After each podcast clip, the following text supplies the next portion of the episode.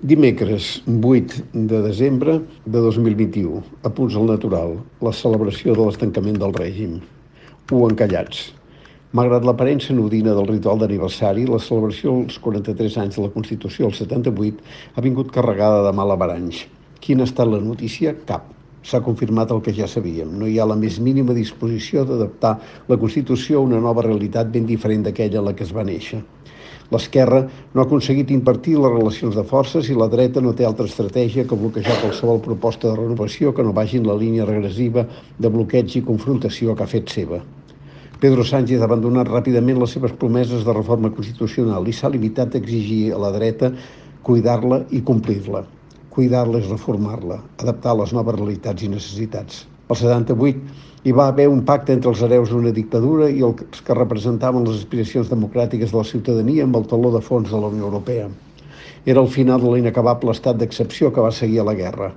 La societat va anar agafant embranzida dels anys 60 i el règim es va fer incòmode fins i tot per alguns sectors de les classes altes que el repulsaven. S'havien de trobar una sortida. A partir de l'any 82, el règim es va sentar, va consolidar el bipartidisme com forma de control social i polític i va semblar que era intocable però el món ha canviat i la societat espanyola també.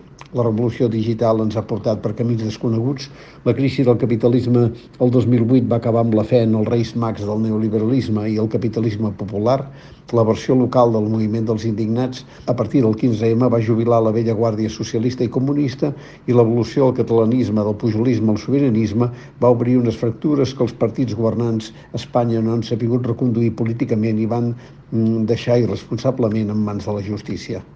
Encallats, la consigna és que la Constitució és intocable, malgrat que són els governants els primers que no la compleixen, amb un trànsit permanent entre el poder executiu i el poder judicial que no fa més que degradar un règim fundat sobre la divisió de poders amb un incompliment reiterat de les exigències constitucionals sobre els drets fonamentals de les persones amb restriccions creixents en drets bàsics com la llibertat d'expressió. Dos, prioritat Té raó la presidenta Meritxell Batet. Mm, els pactes exigeixen essencialment un sol requisit, la voluntat d'assolir-los. I Sánchez plega veles. Ara mateix no hi ha certament cap voluntat real de modificar la Constitució. És patètic que la dreta ni tan sols accepti el canvi d'una paraula, disminuïts per persones amb discapacitat.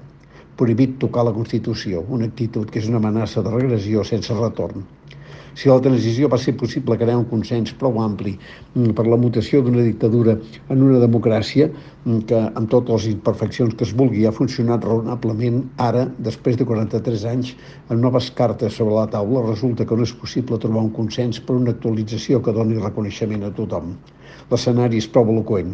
En un moment en què arreu amenaça el risc de l'autoritarisme postdemocràtic, la dreta empeny sense complexos en aquesta direcció.